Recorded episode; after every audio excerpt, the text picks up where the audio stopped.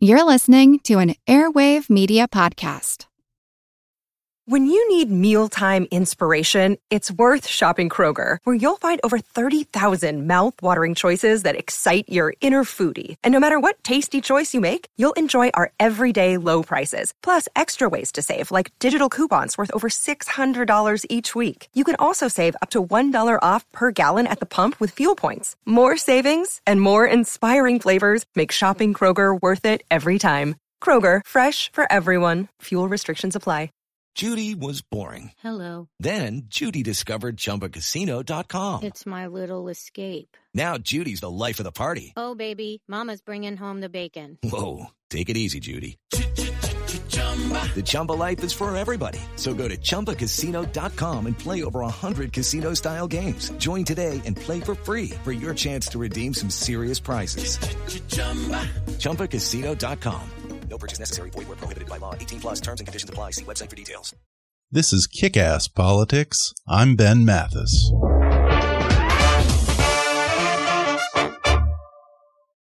Kick Ass Politics is sponsored by Fiverr. You've heard me rave about Fiverr before. That's Fiverr with two R's. Fiverr is the world's largest online marketplace for services with over a hundred categories all offered at a fixed base price of just $5 logo design, business consulting, marketing, business cards and stationery, web design, translation, proofreading, legal consulting, and just about any other service you can imagine, all offered at a base price of just $5. In fact, the announcer who does our intro on Kickass Politics, I found him on Fiverr, a professional radio announcer to do our intro for just five bucks. And right now, if you go to Kickass Politics and click on the link for Fiverr on our sponsor page, you'll be showing your support for the show and you'll get some great offers on services tailored to your needs. Whatever you need done, find it on Fiverr. The group of young people known as the millennials could prove to be a game changer on Tuesday. So, who are the millennials? We hear the term millennial a lot. How do we define it for people at home? So, will LOLs be what wins over millennials? Everyone knows millennials like a good listicle. Thanks, BuzzFeed. So now I'm proud to bring you. That's the media trying to pin down the elusive millennial voter, or as I like to call them, the young whippersnapper vote. I'm Ben Mathis, and welcome to Kick Ass Politics. So, who are the millennials? Well, actually, they don't really like labels. What do they want? Uh, that all depends. We know when they were born, but that's about all we seem to know. And for Republicans trying to connect with young voters, you might think that they know more about life on other planets than they know about Americans born after 1982. Well, one Republican pollster thinks she's cracked the code to winning over millennials. Her name is Kristen Soltis Anderson, and it's all in her new book, The Selfie Vote, where millennials are leading America and how Republicans can keep up. In 2013, she was named on Time magazine's list of 30 under 30 who are changing the world. Kristen's co-founder and partner of the Republican polling firm Echelon Insights, and she has a podcast of her own that she co-hosts with her Democrat counterpart Margie Omero. Not surprisingly, it's called The Pollsters. In today's podcast, Kristen will pull back the curtain to reveal who millennials are, what they want, how the politicians can connect with them, and why Republicans shouldn't just write them off. Plus, Kristen will share what her polling data tells us about the Trump phenomenon, the Hillary email scandal, and voter trends that may drive the 2016 election. All that with Kristen Soltis Anderson on today's podcast.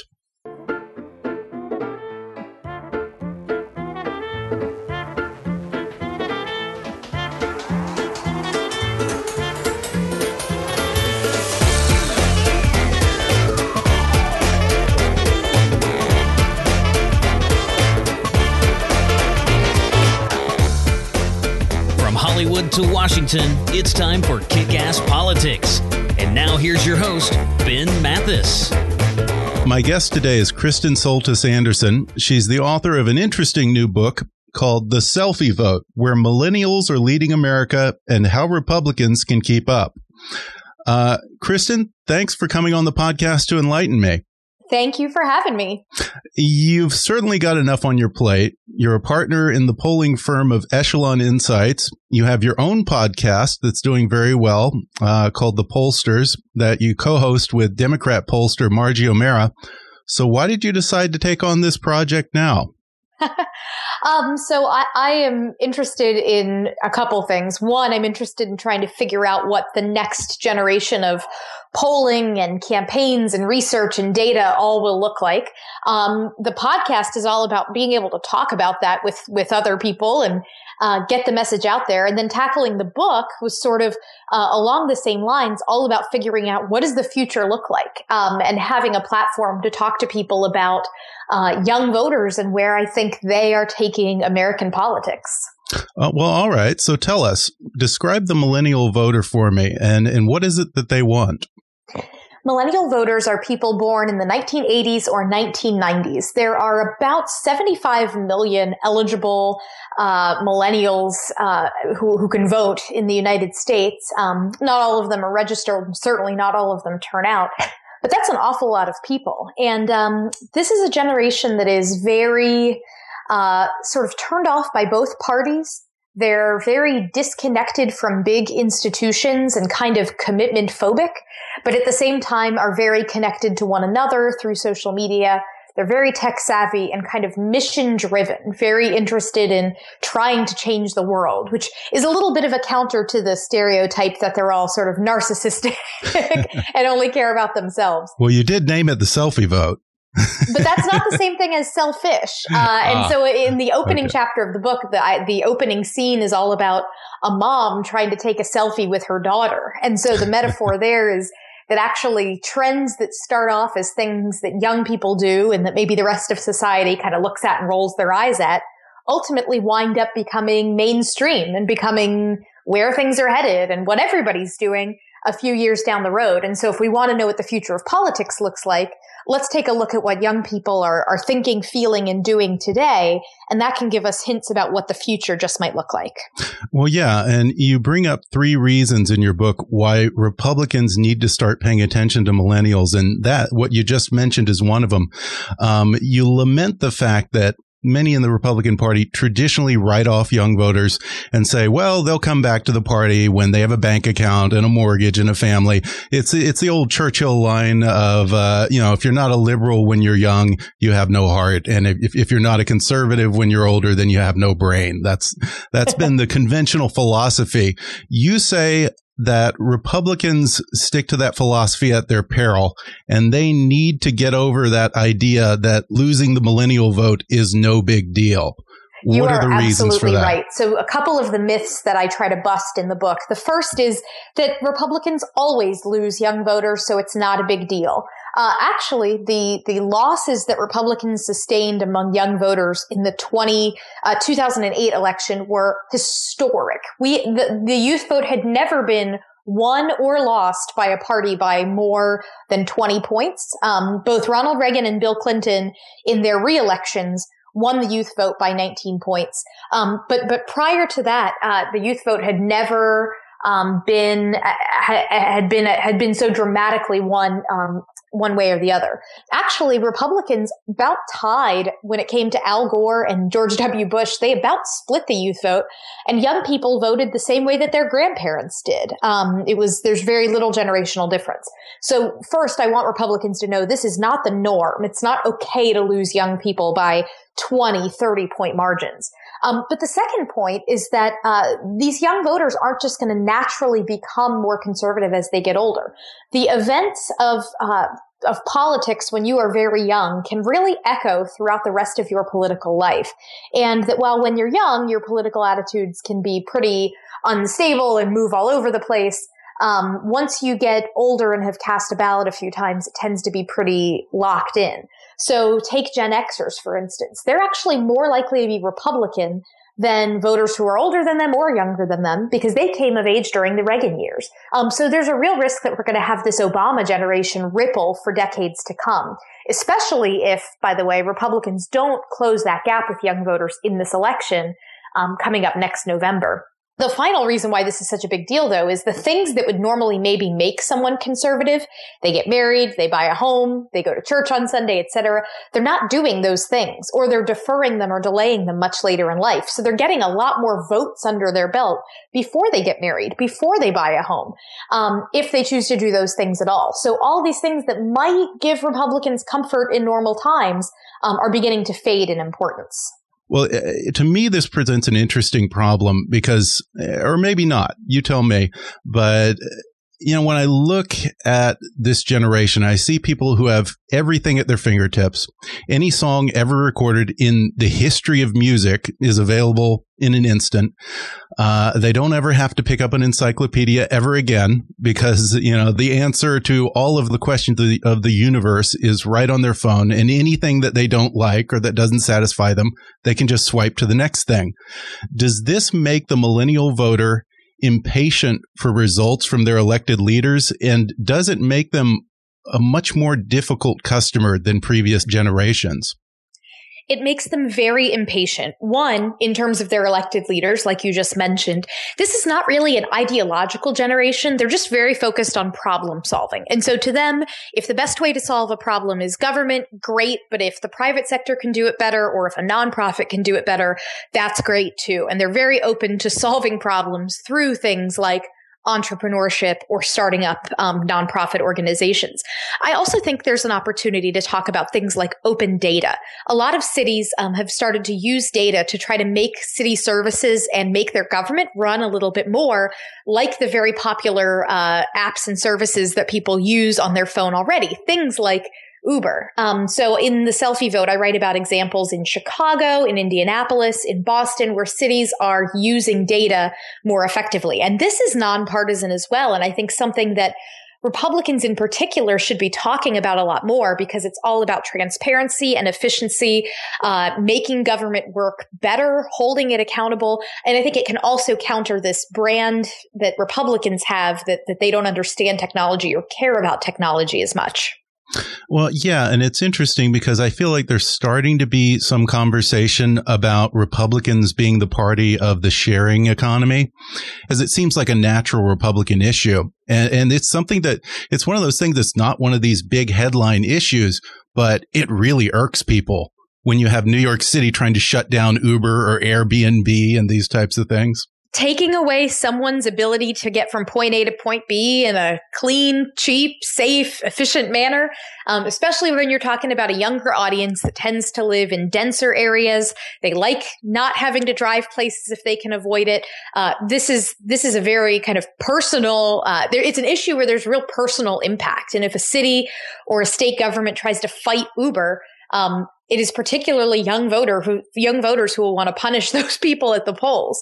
So I think Republicans have been very smart to try to jump on this this Uber issue, especially because it lines up so well with the things that they like to talk about, whether it's about regulations or unions leading to more expensive, less quality services. Here is Uber, a perfect example of a lot of those principles in action. Um, so instead of Republicans talking about things like limiting regulation and fighting unions in the abstract, here's a concrete example and here's how it's benefiting people's lives.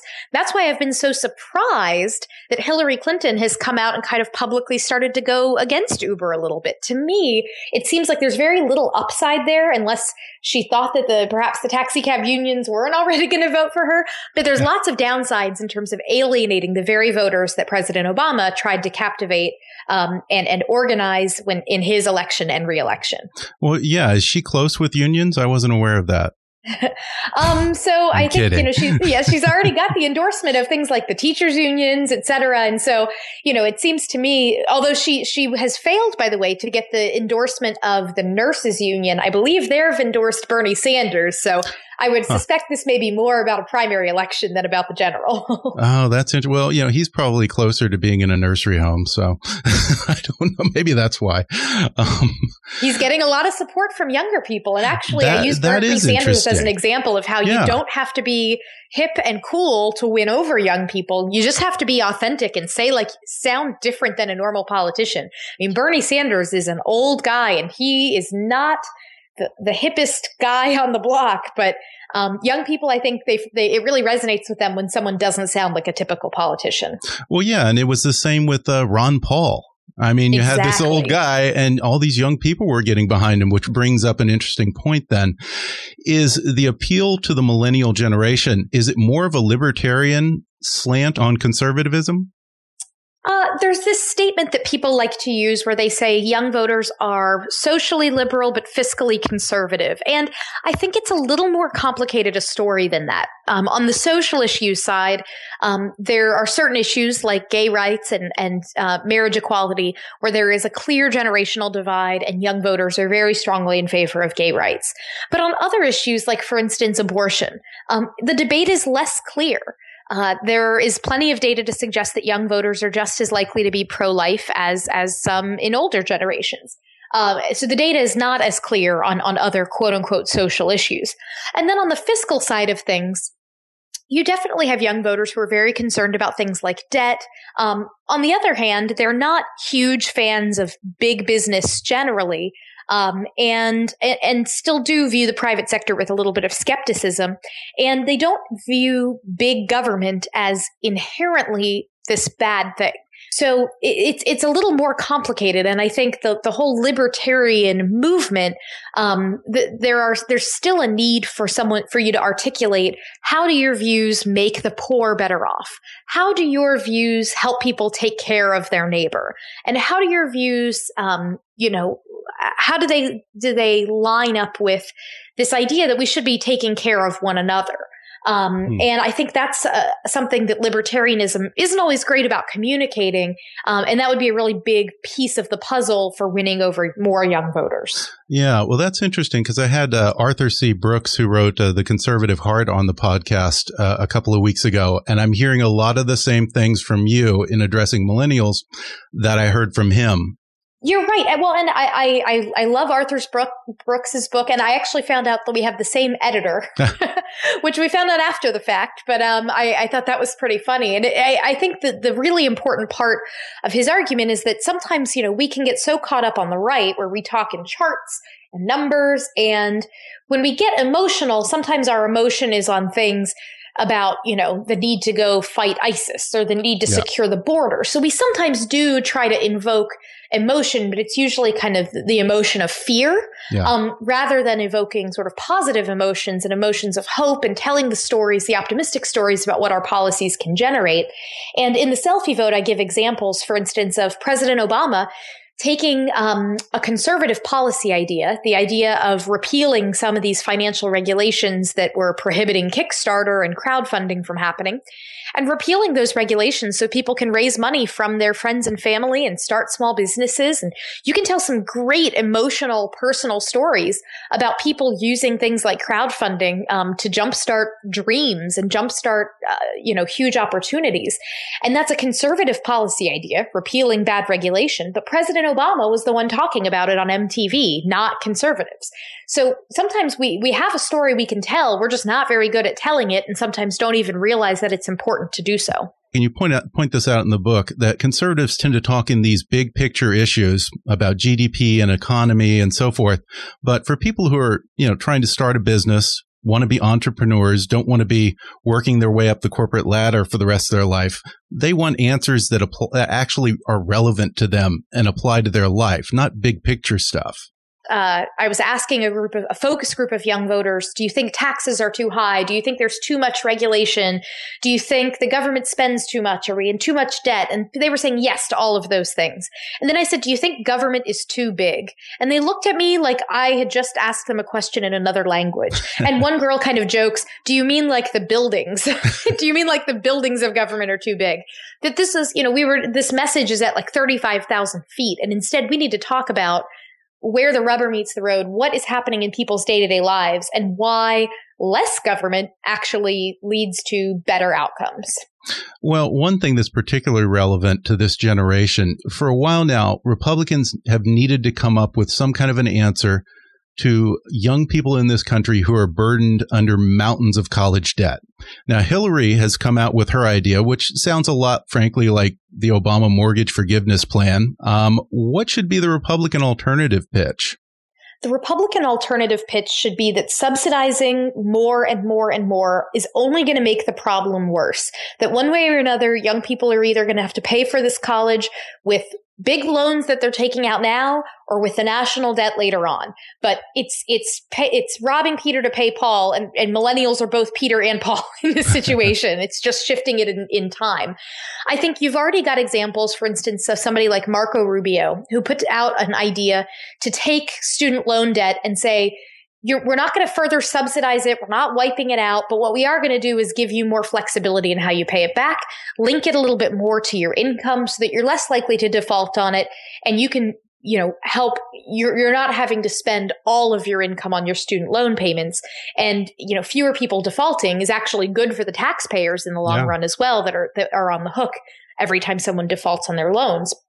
But second, we need to focus on how do you bring the tuition cost down in the first place, not just by subsidizing it away, but by actually creating competition that will lead to lower cost and higher quality, as we've seen in almost every other industry out there.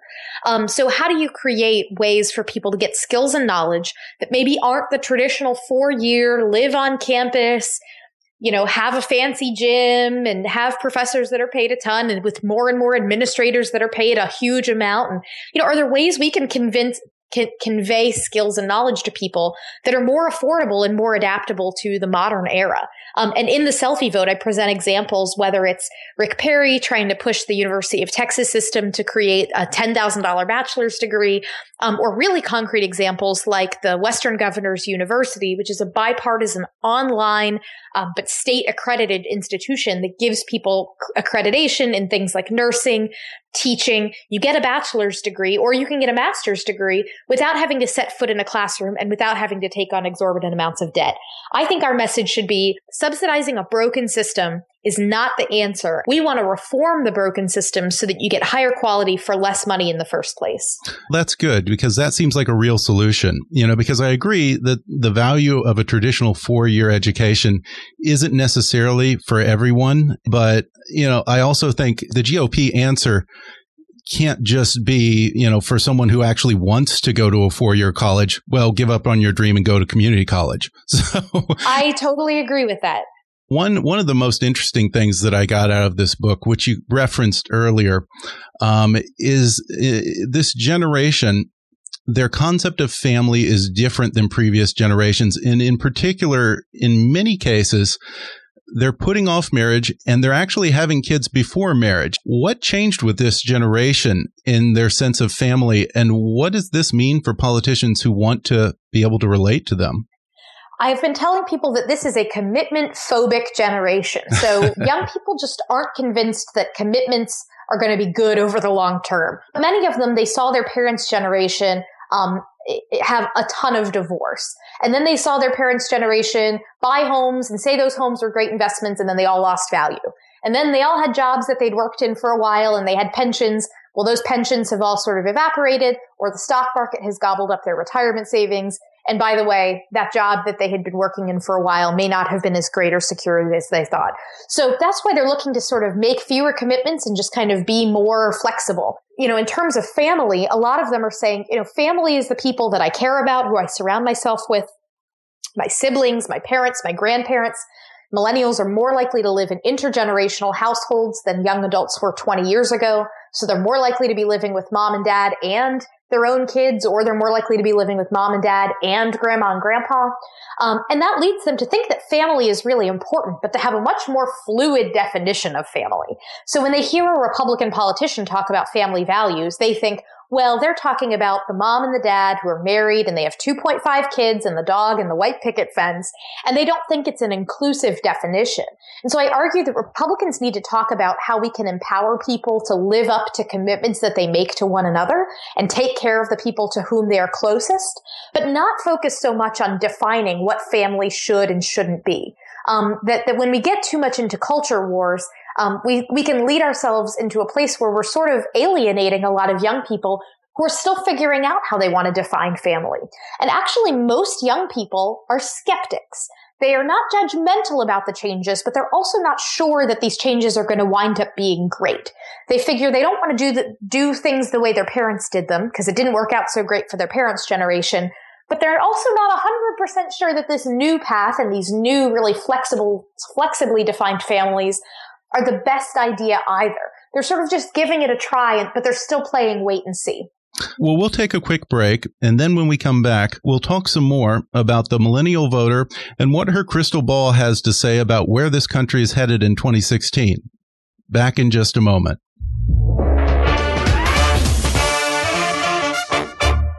This portion of the podcast is brought to you by Audible.com. Audible has over 180,000 audiobooks available to download for your iPhone, Android, Kindle, or MP3 player. And right now, Kickass Politics listeners can get a free audiobook download and a free 30-day trial.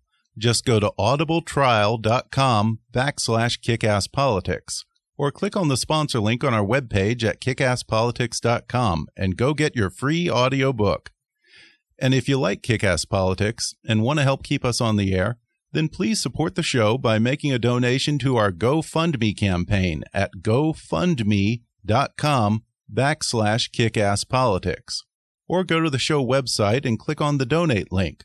Your support will help keep us producing new and even more interesting programs in the future. That's gofundme.com backslash kickasspolitics. And now, back to the show. We're back, and I'm talking with Kristen Soltis Anderson, Republican pollster and author of The Selfie Vote, where millennials are leading America and how Republicans can keep up. Well, you wrote this book on the millennial voter, particularly with an eye toward getting the Republican Party to wake up before they lose this vote for good.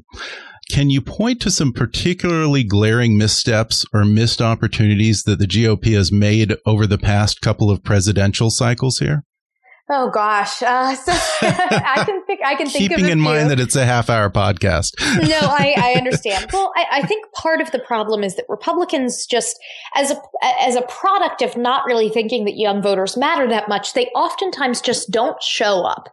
So you'll have the Democrats doing things like putting their candidates in interviews on MTV or buying lots of Spanish language TV ads or, you know, doing things that Republicans may kind of roll their eyes at or think, oh, that doesn't matter. Oh, those aren't our voters. And the problem is when you don't show up, then you allow the other side to define the conversation. So, uh, or, or to, to, to, define you and to, to drive the conversation. So one of the examples that, that I think was really glaring was that uh, in after the 2012 election, I did a focus group of young women in Ohio. And I was asking them about, we were talking about birth control. And they were convinced that Mitt Romney wanted to ban birth control. Now, of course, huh. during the campaign, Mitt Romney said nothing of the sort. In fact, when he had been asked by George Stephanopoulos in that one debate, uh, he had said, you know, contraception's working fine, leave it alone, and tried to move on to the next topic. And yet these voters were convinced that Mitt Romney wanted to ban birth control. And part of that was because the left would have this message. Republicans hate birth control. They want to keep you from having it. They want to keep you from accessing it, et cetera, et cetera. And the Republican response would be, well, but we want to create jobs. And that's not actually a response to the, yeah. to the specific charge that you want to ban birth control. And so Republicans were so focused on this repetitive message of like, well, we're going to create jobs. Well, but the Obama economy that they didn't actually realize the brand damage that was being done by not rebutting some of these more damaging charges. And so if Republicans fail to show up, if we don't go on the Comedy Central shows and we don't engage in social media and we don't put ourselves out there in sometimes hostile territory, then we get defined exclusively by the way the other side wants to define us. And that begins to take root in young people's forming political attitudes, which I think is really dangerous. Well, can you point to any candidates in the GOP field right now who seem to particularly get it? I think at the moment the two candidates who are the best, and I confess a little bit of Floridian bias here. I'm a I'm a Sunshine State girl at heart, um, but I think Marco Rubio and Jeb Bush are the two that are the best positioned right now. Um, Marco Rubio is making a very explicit generational argument in his campaign, a new American century. Um, he's put out ideas on things like student loan reform. Um, he's able to speak Spanish, which, given the incredible diversity of this generation, um, is a huge asset, and is also a reason why I named Jeb Bush as someone who I think could be very good with young voters. Furthermore, Jeb Bush has always been sort of a champion of government reform. So the types of things I was talking about in terms of using data, um, rather than just slashing government, you you try to trim it but make it more efficient so that you're not actually giving people less in terms of services, um, you're just making it work better. Uh, he's been very good about that sort of thing. So I think both of them are great. I think Rand Paul has actually been a disappointment on this front because he was somebody who a lot of I was just going to say that. Yeah. Yeah, that the, he's somebody a lot of folks are, thought, well, he's this more libertarian, kind of different sounding Republican.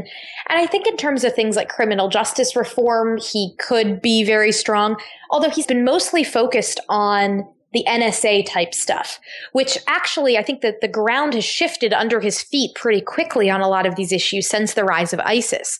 Um, foreign policy issues are an area where public opinion is prone to very serious swings very quickly. And you have a lot of particularly younger millennials who no longer even actually have much memory of the war in Iraq and Afghanistan. Um, they instead are now coming of age in an era where ISIS is beheading people and putting it on YouTube. And so for them, the idea that we're going to not do everything in our power to try to fight terrorism and fight ISIS seems a little bit odd. And on the other hand, I don't think he's actually made that much of a successful and aggressive effort to reach young people. He almost has less appeal with young voters than his dad did.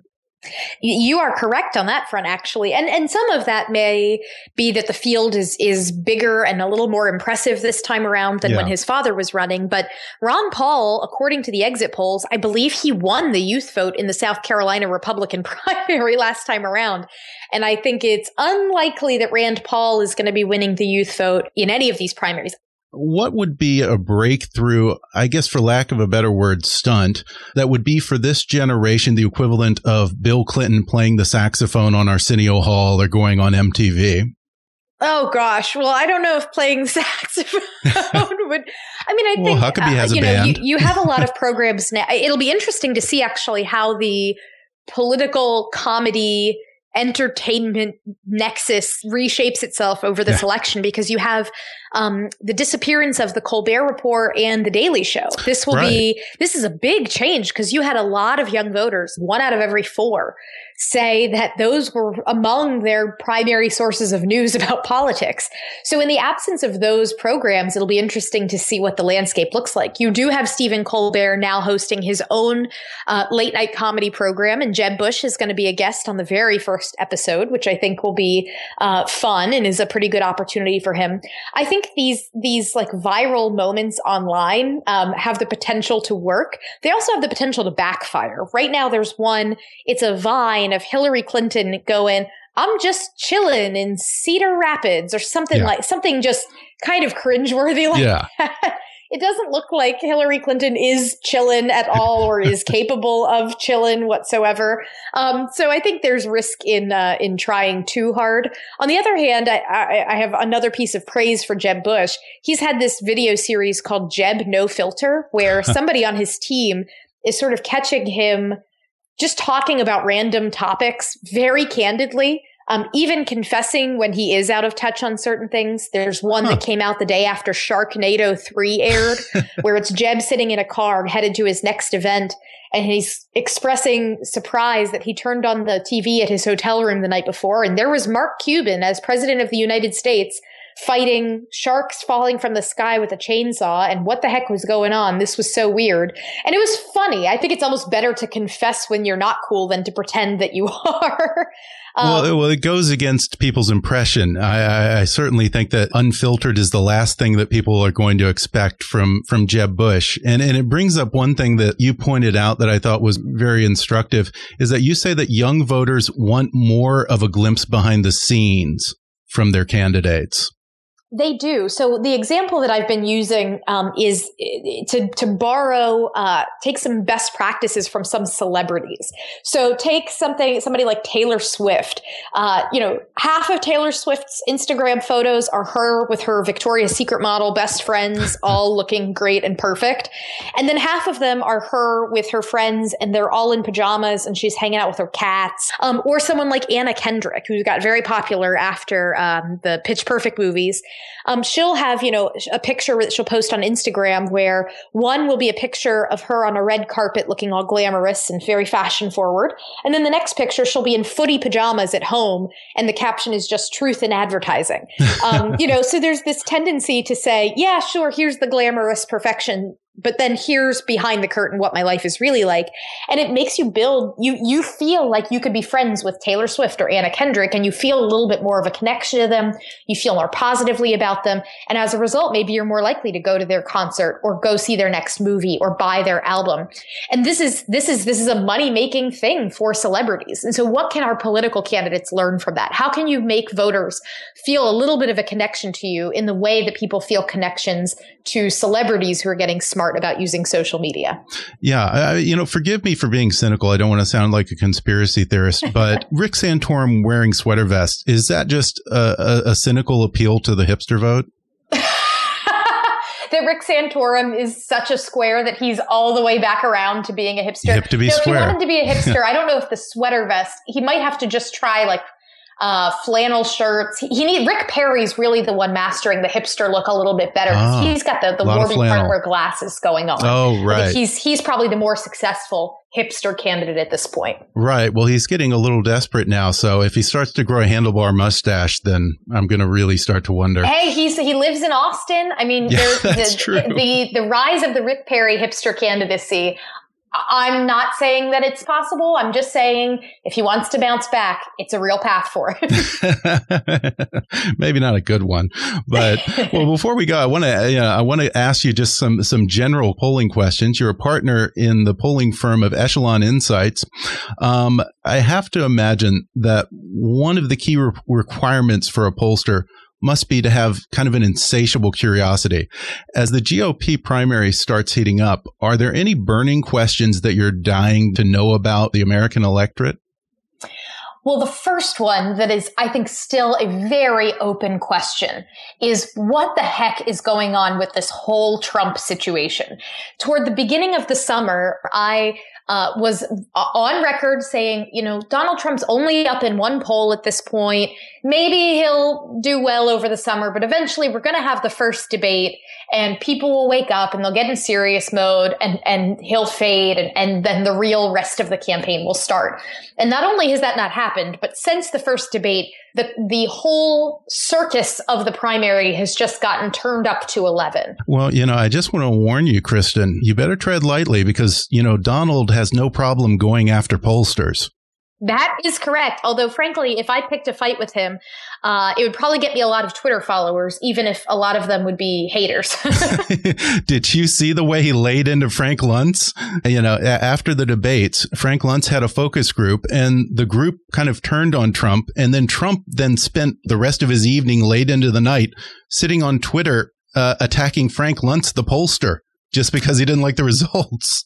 That has been fascinating pollster world saga, uh, you know, intrigue and drama to follow. So over on my podcast, The Pollsters, um, this past week we did an episode that was all about the the gossip and drama surrounding Trump versus the pollsters, because not only has he picked this, uh, you know, fight with uh, with with Luntz, but he also says things like, "I don't, I don't hire pollsters. If pollsters were so great, they should run for office themselves." Or, you know, I'm not going to spend two hundred thousand dollars a month on a pollster. And I'm thinking, "Oh, D- Donald, Donald, I'll cut you a deal. I'll work for you for a hundred thousand dollars a month. If if that, like, if yeah. it, I'll, I'll, you're a good negotiator, let's negotiate. I mean, the idea that a pollster would charge you two hundred thousand dollars a month is just ridiculous. So watching him comment on my industry and on what the polls mean has been a source of fascination mixed with a little bit of despair.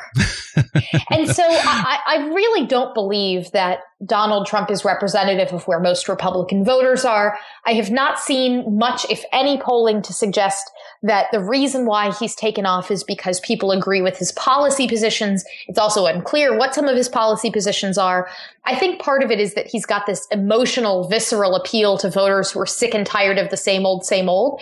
But really, there is, there's data kind of all over the place about who Trump voters are and what they want. And so I would just really like to know I would love conclusive answers to what's driving this.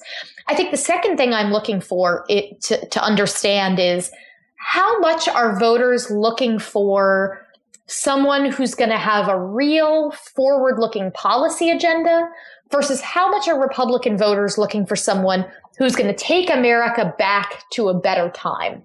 Are we going to be a backward looking party or a forward looking party?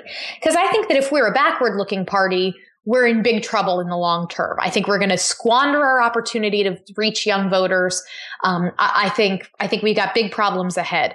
On the other hand, you've got this Marco Rubio next uh, the new american century this idea that america's best days are ahead of it. We don't need to go back. We instead need to capitalize on the incredible potential for innovation and improving the human condition. It's sort of the, the arthur brooks argument actually yeah. if you if you wanted to sort of assign that label to it. So i think emotionally right now you might find a lot of republicans feeling that they want to make america great again um, but I'm hopeful that by the time we hit the, the general election, we can pivot into a future forward looking message, especially if we're up against a Hillary Clinton, who I do think represents sort of the policies of the past and at the moment seems to be embracing a sort of 1970s style liberalism, which I think Republicans could counter successfully if they wanted to. Well, from the data that you're seeing, is Hillary in trouble right now, or is this email scandal something that's going to blow over by the time of the first primaries?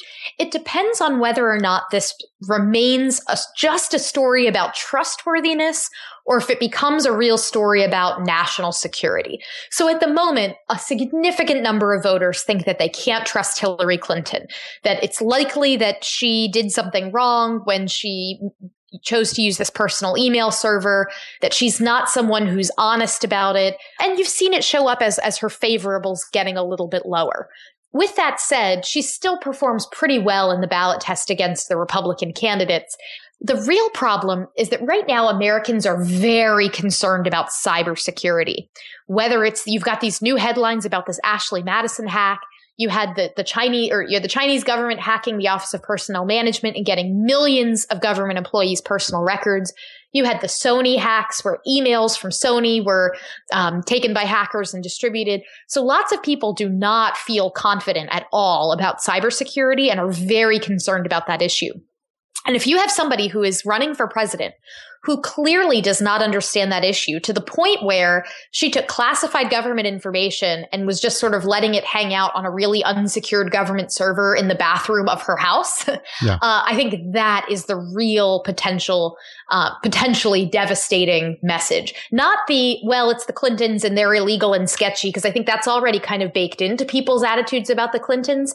I think if it's their selfishness in jeopardized national security is when you start to really tap into a deep fear that people have and you get into questions about her suitability as a commander in chief. And I think if that connection starts getting to be made, that will be where her numbers really start to sag as a result of the scandal. Yeah. And you know who's very concerned about the Ashley Madison hack? Bill Clinton. Oh Lord, I don't even. You know what? It, I don't even want to know. I don't even want to know. uh, more Clinton drama, just what America needs. So, uh, from the data you're seeing, what are the issues that are going to be influencing voters in 2016? Well, the economy has been the number one issue ever since the year 2008, and it remains so. Although it has fallen from being the clear number one issue, um, it, it, has fallen somewhat. And you've seen foreign policy issues and national security rise in importance. Um, at the same time that you've seen the the uh, public's opinion about President Obama's handling of foreign policy has fallen. So President Obama early in his presidency got pretty bad marks on the economy but pretty good marks on foreign policy and overall people thought he was doing an okay job as president. But pretty much in the last 2 to 3 years mostly the last two years, um, his job approval has fallen on foreign policy, and with it, it's pulled his overall job approval down. I think people are really looking to hear what are you going to do about Iran? What are you going to do about ISIS? What are you going to do about Vladimir Putin? That when we live in a world that is less stable and we're seeing more and more headlines that, that raise concerns, I think people understand that we can talk about economic policy and all of this other stuff. Ultimately, you got to get through Congress to do a lot of that. But when it comes to the use of the military, when it comes to our relationships with other countries, that's primarily the purview of the president. And so we need somebody who's going to take us on the right track there, which is why undercutting Secretary Clinton's record on security and foreign policy issues, I think would be the far more devastating attack than your sort of garden variety, the Clintons are sketchy sort of message.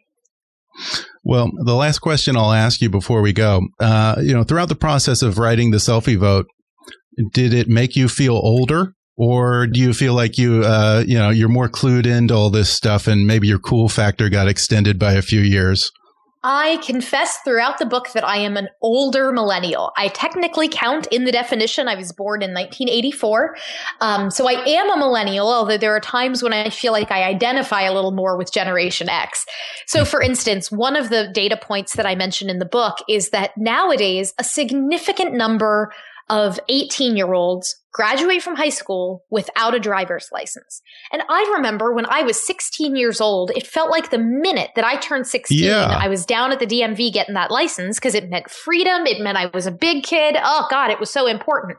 And now kids are like, eh, a driver's license. That sounds like responsibility that sounds like I'll have to drive myself places. I'd rather just have my mom take me or that I'd rather ride my shift. bike. I don't, yeah, I don't really need a driver's license. that to me seems crazy and makes me think I need to just hand in my millennial card. Sounds like lunacy. So there were some things in the book where I confessed this is what the data says about my generation, but I honestly just do not understand it at all.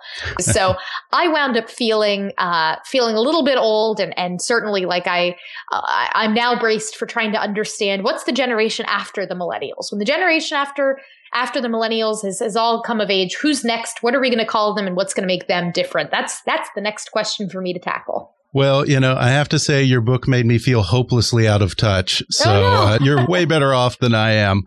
But uh, the book is The Selfie Vote, where millennials are leading America and how Republicans can keep up by Kristen Soltis Anderson. And Kristen's podcast is called The Pollsters. Check it out on iTunes. Kristen, thanks so much for coming on the podcast and uh, catching us up to speed with uh, the selfie voters out there. Of course. Thank you for having me. All right. Well, that's the show, folks. If you enjoyed my conversation with Kristen, then definitely check out her book. I'll include a link to the Amazon page for the selfie vote in the show notes for this episode at kickasspolitics.com. Now be sure to subscribe to Kickass Politics on iTunes and leave us a review. And if you like the show, then let us know by making a donation on the website, or you can just go to gofundme.com backslash kickasspolitics. As always, I welcome your comments, questions, and even your complaints at comments at kickasspolitics.com. You can also connect with me through our Facebook page or follow me on Twitter at, at KAPolitics. In the next episode, I'll take a look at the tragic reality of Cuba under Fidel Castro and the cost of President Obama's sudden decision to throw out 53 years of U.S. foreign policy toward the Castro regime. My guests will be Tomas Regalado, the current mayor of the city of Miami, and Carlos Eire, winner of the American Book Award for his memoir, Waiting for Snow in Havana. As young boys, they both fled Castro's Cuba for the U.S., but their fathers weren't so lucky.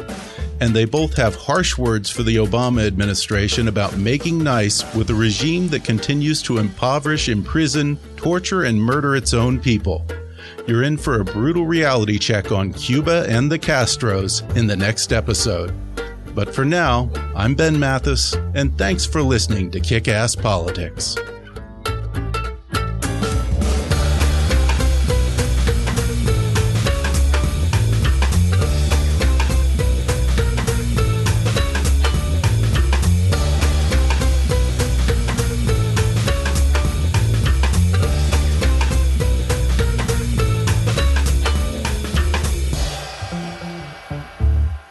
This podcast may not be reproduced without express written permission.